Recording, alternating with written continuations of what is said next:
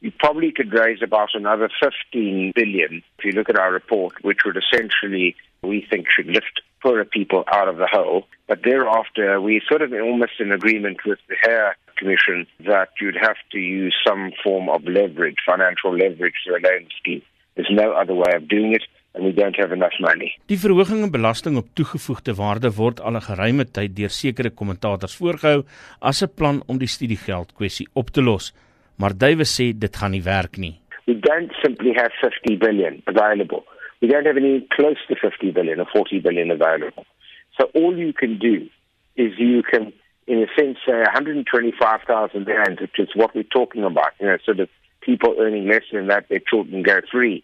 We have to push that up much higher than that.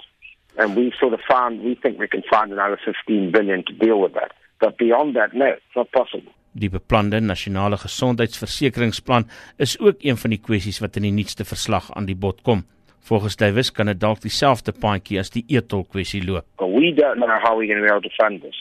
And in the light of now what's going on, the idea that we're going to go use most of our money to fund tertiary education, you can forget about it. We simply don't have the money. So if you start imposing tariffs on people or situations of some form of tolling system of any kind, you get yourself into tax roll. But the, the simple point that I, we make, which is much more important, is in the light of where we were, and this was before all of this stuff, we were pretty convinced that you couldn't do it.